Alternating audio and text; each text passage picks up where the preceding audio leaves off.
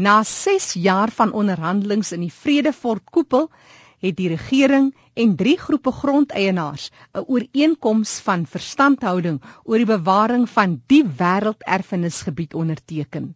Die Vredefort koepel, 'n unieke omgewing. Dis die oudste en die grootste meteoriet-impakkrater in die wêreld. Dit was professor Atti Gerber van die Noordwes Universiteit Potchefstroom kampus wat hierdie hoorbeeld van die Vredefort koepel saamgestel het.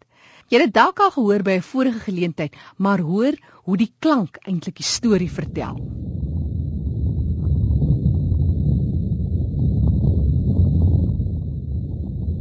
Sien in jou verbeelding die planeet Aarde, duisende miljoene jare gelede.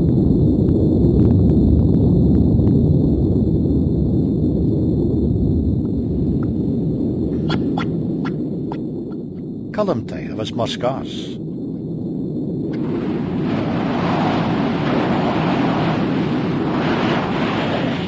Die aarde was woes, leeg en onstuimig. En daardie dag was dit om soos 'n aktiewe vulkaan aan te kyk.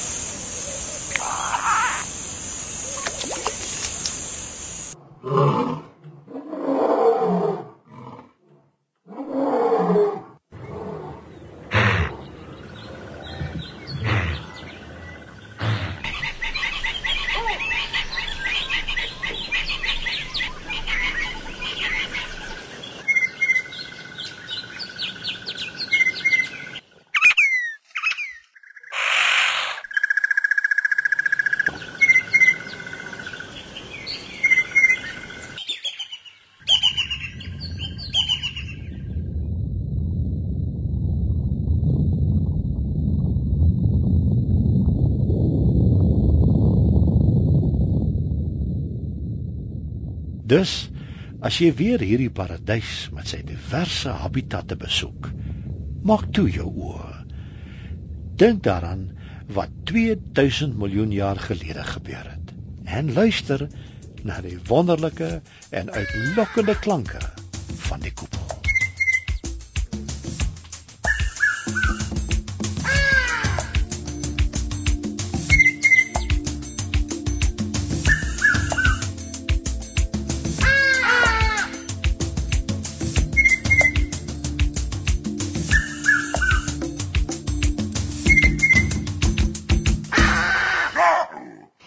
Voorbeeld is saamgestel deur professor Atti Gerber.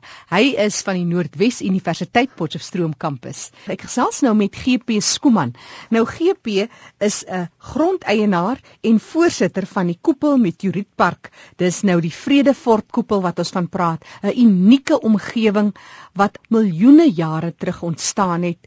Net baie kortliks oor die ontstaan van so 'n koepel GP, net net om ons geheue te verfris. Uh Jackie so bietjie meer as 2000 miljoen jaar gelede het 'n meteoriet so groot soos Tafelberg die aarde getref teen 'n spoed van 40000 km per uur. Dit het 'n reuse krater van 250 tot 300 km gelaat wat aanvanklik tot 50 km diep was wat toe dadelik begin toeval het. Maar die puin het selfs 500 km van hier af nog 'n meter dik gelê. Daar's 70000 kubieke kilometer grond verplaas met die impak. So die grootste tragedie wat die aarde ooit getref het. Nou hierdie het 'n wonderlike omgewing tot gevolg gehad, soveel sodat 'n mens verskillende biome in so klein relatief gesproke omgewing vind. En dit is nou 'n wêrelderfenisgebied, vertel ons oor die koepel self. Die die deel wat nou verklaar is as wêrelderfenisgebied is amper maar net die kern van hierdie hele groot impak krater. Dit gaan baie ver van hier af, maar dis 'n wonderlike gebied met rande. Dit is 11 km onder die oorspronklike impak as gevolg van uh, verwering oor die jare. Ehm um, so dis 'n baie mooi omgewing met rande en dan loop die Vaalrivier ook nog hier deur wat dit 'n uh, baie mooi landelike rustige omgewing maak met mooi uitsigte. Ehm um, behalwe dat die geologie belangrik is, het ons ook daai aantrekking vir toeriste. En hoe groot is die area wat jy van praat omtrent? Die die verklare gebied is so ongeveer 80000 hektaar. Dit het so 40 km deursnee. Nou dit was 'n groot debakel, toutrekkery, dwarstrekkery, ontwikkeling. Daar was struwelinge en so meer, maar 'n wonderlike geleentheid het uiteindelik in die vorm van 'n ooreenkoms gestalte gekry. Vertel ons meer. Daar was drie partye in die ooreenkoms. Dit is die regering, dan die grondeienaarsvereniging waarin 'n 'n deel van die grondeienaarspoort en die Bavaria aan die ander kant. Ons het 'n uh, memorandum van ooreenkoms van die minister bereik wat grondeienaars se regte beskerm en ook die weg vorentoe uitspel van hoe gaan die koepel bestuur word in die toekoms. Nou die Vredefort koepel, soos ons nou nog gepraat het, is 'n wêrelderfenisgebied en dit is nou Suid-Afrikaanse wetgewing wat nou in die proses is om juis hierdie wêreld of hierdie gebied te bewaar vir die nageslag. Ja, nee, so, on, ons moet regtig dink in terme van honderde en duisende jare en nie van 10 of 20 of 40 jaar nie. Ek self het die voorreg gehad om hier groot te word en 'n paar geslagte voor my ook en so ook my kinders op hierdie stadium en ons moet dit ook vir die geslagte wat na ons kom kan gee. So hierdie is 'n geleentheid vir bewaring en nie 'n geleentheid vir ontwikkeling nie. Daar moet wel behoorlike toerisme fasiliteite in en rondom die koepel wees. Ons sal verkies dat dit digter is rondom die koepel in die aangrensende dorpe soos Parys en Vredefort en Potchefstroom, maar eh, dat ons ehm um, werklik die koepel bewaar en die geleenthede in bewaring raak sien. Dit is wat baie keer misgekyk word. Daar's 'n klomp geleenthede in bewaring. Dit gaan nie net om elke plaas te versnipper in klein stukkies en vol te bou nie. Dit is nie die die geleentheid wat daar nou is nie. UNESCO is natuurlik ook baie duidelik en dit was juis ook as gevolg van die landelike omgewing en wat dit bied vir die toerus wat hulle so amper wil ek sê heilig is op hierdie omgewing. Ja, die koepel is wel verklaar vir sy besonderse geologie, maar alles wat ons nou daar sien en soveel van die hele Suid-Afrika se geskiedenis en alles het gekom as gevolg daarvan as gevolg van hierdie impak het ons goud in Suid-Afrika wat ons kan myn. So so wyd kan 'n mens dit vat. Maar ehm um, dit het 'n 'n besonderse invloed op die plantegroei wat ons daar kry. Dit het 'n invloed op die die landskap wat ons het. As gevolg van die landskap was daar baie veldslae en oorloë in die koepel. So daar's 'n baie ryk kultuurhistoriese geskiedenis en hierdie mooi uitsig in UNESCO het in uh, al hulle stukke gemeld van die landelike atmosfeer en dat dit bewaar moet word. Ons sien dit as een van ons grootste aantrekkingskragte ook. Daar is 'n groot deel geoloë van oor die wêreld wat eh, na klippe kom kyk. Maar dit is nie vir die gewone publiek die groot aantrekking in die koepel nie. Dit is daai landskap wat ontstaan het as gevolg van hierdie impak wat 'n groot invloed het en dit wil ons nie toebou en jy's ons grootste bate daarmee degradeer nie. Nou dit was ook juis as gevolg van die bedreiging van mynbouaktiwiteite dat 'n mens soveel fokus het op die koepel. Ja, dit is hoe die Bavaria begin het uh om ongeveer 15 jaar gelede was daar 'n internasionale groep wat oopgroef goudmyn in die koepel wou begin. En 'n paar mense met 'n visie het bymekaar gekom in die Bavaria begin. Ehm um, intussen tyd het Suid-Afrika ook die konvensie onderteken en 'n paar plekke genomineer waaronder die koepel, maar die, die voorstel van die regering se kant af het nog nooit amptelik toe by UNESCO uitgekom nie. En ons as Bavaria het daai tyd baie klem gelê op dit juis om hierdie mynbou bedreiging af te weer en dit is juist die uniekheid van die koepel wat op die ou end gemaak het dat dit nie toegelaat is nie. Die koepel het 'n unieke samestelling. Jy praat van Potchefstroom, Parys, jy weet daar's groot dorpe, jy weet universiteit, navorsingsinstitute en dan het jy hierdie klein landelike gemeenskappe wat eintlik net in vrede wil saamleef en dit lyk ook of die mense in die omgewing eintlik goed oor die weg kom. Maar as jy nou moet so ligfoto vir ons skets, Ek self was nog nie in die koepel nie. Wat sou jy uitsonder? Jy praat van geoloë en dit is absoluut 'n geoloogse droom vir al hierdie samestelling in 'n redelike klein radius, hierdie unieke nie net plante groei nie, die klippe, die formasies en so meer. Ja, ehm um, Jackie, ek is self ook nie 'n geoloog nie, maar wat vir hulle baie belangrik of besonder in die koepel is, is dat jy hierdie opeenvolging van laag baie duidelik sien waar jy op ander plekke 50 km diep moet boor en laag vir laag sien het die koepel in die koepel alles omgekeer. So jy stap fisies oor dit soos wat jy oor die land beweeg. So dit is 'n besonderse deel daarvan. As jy dit nou in leuke taal moes verduidelik, jy praat nou van hierdie meteoriet wat die aarde binne geval het teen hierdie geweldige spoed. So eintlik lyk dit asof die aarde omgedolwe is seker. Is dit wat jy sê? Ja, ja, alles wat horisontaal gelê het, lê nou amper vertikaal. Mm -hmm uh, as gevolg van hierdie impak. Dit is soos wanneer jy 'n klippie in die water gooi en hy gaan in en daar spat water uit en hy maak daai ringe rondom. Dit is tipies wat hier gebeur het net op 'n baie groot skaal. Dis 'n unieke plante groei hiersoos selfs rooi voorbome wat 'n mens in die laafveld verwag, staan in sekere klowe hierso. Dit is glad nie uh, iets wat 'n mens sou verwag in 'n Wes-Transvaal Vrystaat landskap nie. Dit is 'n uh, bosveld atmosfeer as 'n mens in die koepel in beweeg, jy voel sommer hier is ek nou in 'n ander wêreld.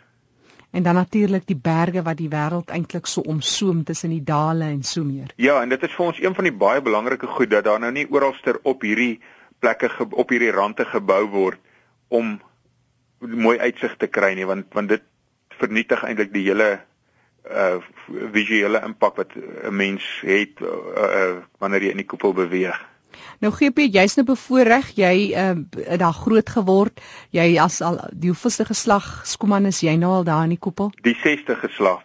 Nou jy's bevoorreg. Is jy nie bietjie selfsugtig? Jy weet dat dit nou net vir 'n uitgesoekte paar wat nou juist die voorreg gehad het om deel te kon wees daarvan nie.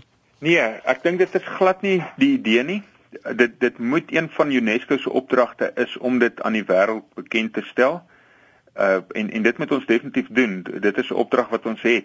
En ek dink dit da, die die hele wêrelderfenisstate skep soveel geleenthede vir grondeienaars.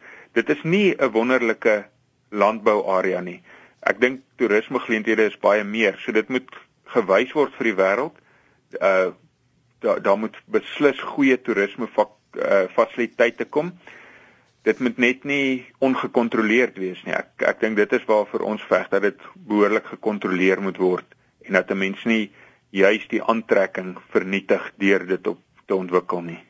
Dit was seker vir julle nou eintlik 'n wonderlike geleentheid dat die departement van omgewingsake, die minister Etna Molewa was vroeër die week daar by julle, dat dit uiteindelik soort van na 'n punt toe kom. Ja, nee, dit is eintlik 15 jaar se harde werk van ons wat op die wat nou daarom 'n uh, eh, eh, iets afgewerp het dat daar die ding gaan vorentoe. Dit is ehm um, nou seker dat die koepel gaan in terme van Suid-Afrikaanse wetgewing geproklaameer word. Dit, dit het eh, 'n uh, redelike samehorigheid onder die grondeienaars gebring. So ons sien baie uit na die toekoms. Ek dink dit dit bring nie net vir die grondeienaars nie, maar ook vir die plaaslike gemeenskap, vir die dorpe wat rondom ons is en vir Suid-Afrika en die wêreld in geheel baie geleenthede. Ons gee ook van die Bavaria se kant af 'n tydskrif uit waar ons al die interessante besienswaardighede van die koepel en wat gebeur in die koepel en oor paddas en bome en al die goeders van die koepel inskryf uh, en ook oor die die boerdery wat tans daar aangaan. Dit is een van die mooi goed ook van die koepel dat daar nog werklik gemengde boerdery uh, bedryf word. Dit is nie groot kommersiële boerdery nie. Dit is amper 'n tipe boerdery wat ook aan die uitsterf is. En dit is ook vir ons besonder in die koepel. Dit is nie hmm. dat ons daai goed wil een kant skuif. Wat bedoel jy gemengde boerdery? Waar 'n boer wat 'n bietjie mielies plant en hy het sy skape en sy beeste en goed, dit is nie 'n groot kommersiële mielieplaas of wat ook al nie. Dit is ehm um, amper asof tyd in 'n sekere mate bietjie daar stil gestaan het waar dit nog familieboerderye kan ek dit dalk beskryf. Mm -hmm. Dat dit iets wat wat aan die verdwyn is as 'n mens kyk na na die landbou op 'n groter skaal. Dit is alles raak groter. Dit dit raak amper ehm um, biologiese fabrieke baie van die plase. Maar daar's nog regtig hierdie landelike karakter. Dit is iets spesiaals om te sien. Nou, die een ding wat vir jou uitstaan gee, jy praat van jou oupa, hulle was daar en jy het klein seentjie daar rond gespeel. Jy het nou self jou kinders wat daar is. Wat bly vir jou baie spesiaal van hierdie besondere wêrelderfenisgebied? Weet jy, ek het ehm um, baie goeie herinneringe aan die die rivier hoe ons daar geswem en gespeel het die mense van die koepel ook. Dit is 'n besonderse gemeenskap dit is mense wat omgee vir die natuur. Ek dink die meeste grondeienaars wat daar is het 'n besonderse um, band met die natuur. Ek dink 99% van die grondeienaars is ingestel op bewaring en om die gebied mooi te hou. Dit is nog op hierdie stadium baie grondpaaie daar's mense wat Ehm um, spyt is dat dit ook waarskynlik nou nie nou geteer sal word, maar dit dra tog in 'n sekere sin by tot die karakter. Mense wil dit toeganklik ook maak, so dit wys weer op op die balans wat daar moet wees tussen ontwikkeling en en bewaring. Maar die besonderse natuur, die die plante groei, uh wat iets is wat ek as kind nie ervaar het wat nou terugkom, is wild. Daar daar was in my kindertyd byna niks nie en en met wild wat nou ervestig is op plase ehm um, is die hele gebied eintlik al 'n gebied waar wild weer voorkom. Ons het kudu's en nyalas en daar's ons renosters in die koepel en al daai tipe goed wat as wat ek as kind nie geken het nie wat toe heeltemal uitgesterf het. Nee, dit is 'n mooi gebied en en met baie geleenthede. En so gesels GP Skuman, hy is 'n grondeienaar en voorsitter van die Koepel Meteorietpark en uh, hierdie bewaringsgroep wat dan nou hierdie Bavaria gestig het en by die regering aangeklop het om die koepel tot wêrelderfenisgebied te verklaar en nou is 'n bestuurskomitee bestaande uit verteenwoordigers van die grondeienaars en die regering saamgestel en voortaan sal hulle hierdie koepel bestuur.